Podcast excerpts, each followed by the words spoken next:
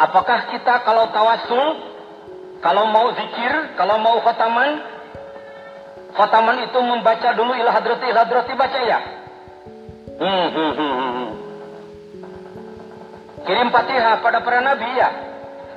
Rasul. Oh, wali. Sahabat. Silsilah toriko. Orang tua. Kenapa? Ah, ingat pada jajan macam lagi bingung dia jawabnya. Ngarahnya hoy saya nama nih. Kan nantepan lah cenang hulang, cenang hargaan ilmu. Hati-hati dikir jangan meremehkan ilmu ya. Ilmu itu sulit loh. Sulit ya ilmu itu. Dan pengersa abah itu alim. Beliau kiai. Santri Cimalati Sukabumi. Beliau adalah santri Jambu Dipa. Ahli nahu sorob ma'ani bayan badai. Makulat udah istiqok munadoroh. Tauhid kita tasawuf tasir hadis. Beliau itu. Kalau kita kebetulan berada di Suryalaya lalu jadi tokoh, ilmu kurang, jangan nganggap, oh nggak perlu ilmu, es, es, es, ngomong timan. Itu mah otak anda sendiri begitu. Pengesabah alim. Salah satu bukti alim mampu menyusun kitab Miftahus Sudur. Ya, maunya bodoh bisa nyusun kitab, oh. Mustahil. Orang bodoh bisa nyusun kitab, mustahil. Hadirin. Nah, ilah hadrati, ilah hadrati. Kalau orang sudah meninggal dimasukkan ke mana, Bu? Ke kubur. Ngomong, kencang aja, Bu. Salah juga nggak apa-apa, Bu. Kalau orang sudah meninggal dimasukkan ke mana? Iya benar. Kalau orang soleh dimasukkannya setelah dikubur ke mana? Surga. Kalau? Oh. Jadi orang-orang yang soleh-soleh itu sekarang yang sudah meninggal, yang sudah dikubur, berarti mereka di mana? Di surga. Oh. Itulah ilmu yang tersebar.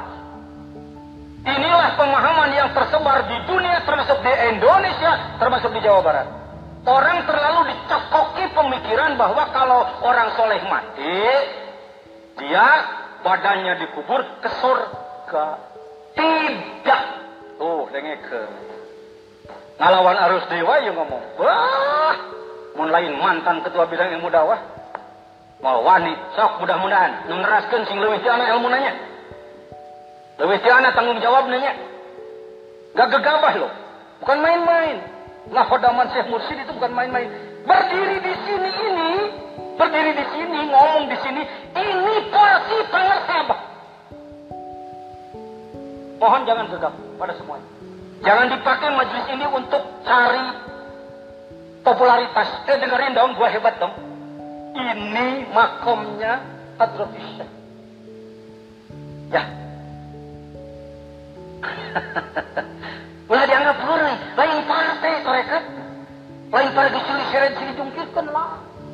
Pergi silih hargaan, pergi tawadu, pergi ngomong kolbu, dehus ke Allah. Di atas ahli doa, torekat pejam.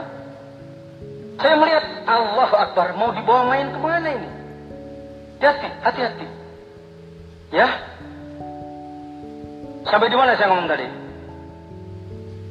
Disor, orang yang soleh disor, Kata Pak Jejen, tidak keliru Anda.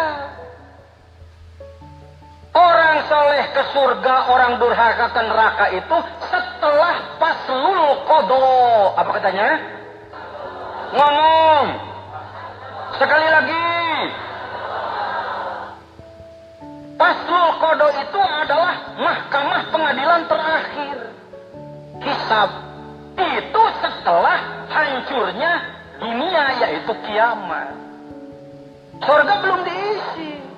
Neraka belum diisi oleh ahlinya. Yang ada cuma penjaga aja persiapan di sana.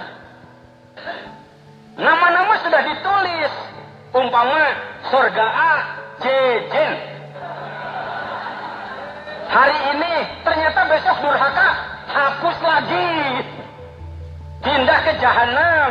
Jejen eh tobat surga lagi. Begitu. Belajar dikir lambarnya dengan ilmu tauhid. Belum.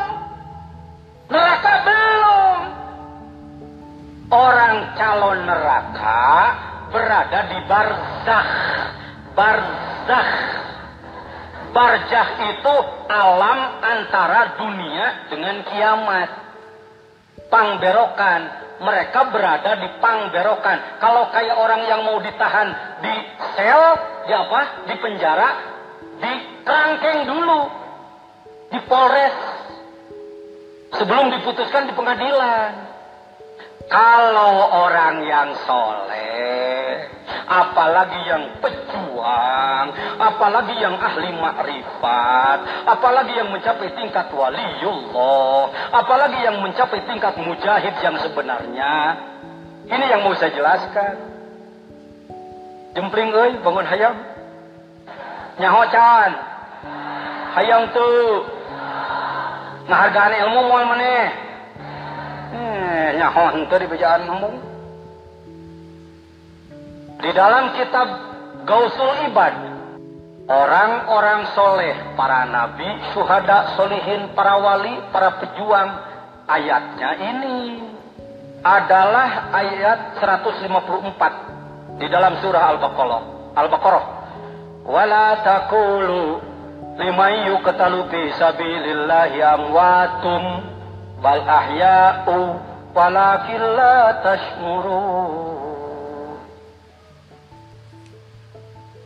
Jangan kamu berpikir, jangan kamu berkeyakinan, jangan kamu berpandangan orang-orang yang teksnya dibunuh di jalan Allah, tapi tidak harus dibunuh, yang gugur di jalan Allah.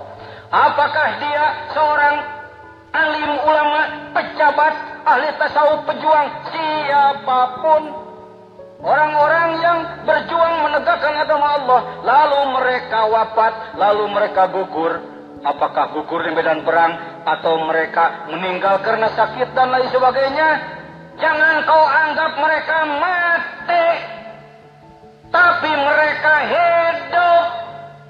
Jangan anggap mereka, tapi mereka Cuma kamu yang tidak kenal tentang kehidupan mereka. Mereka masih dilimpahi rizki dari Allah.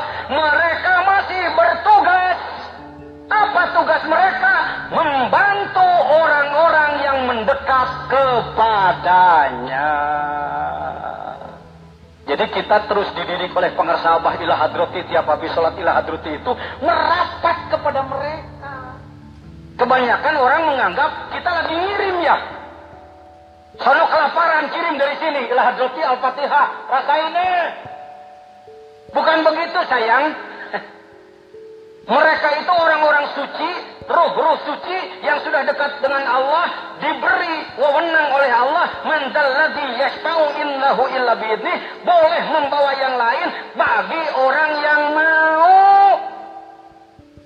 Jadi kesimpulannya, kita belajar zikir di Suryalaya ini, kita itu sedang digabungkan dengan mereka. Jadi sekarang tambah keyakinan Nabi Muhammad sudah wafat apa belum?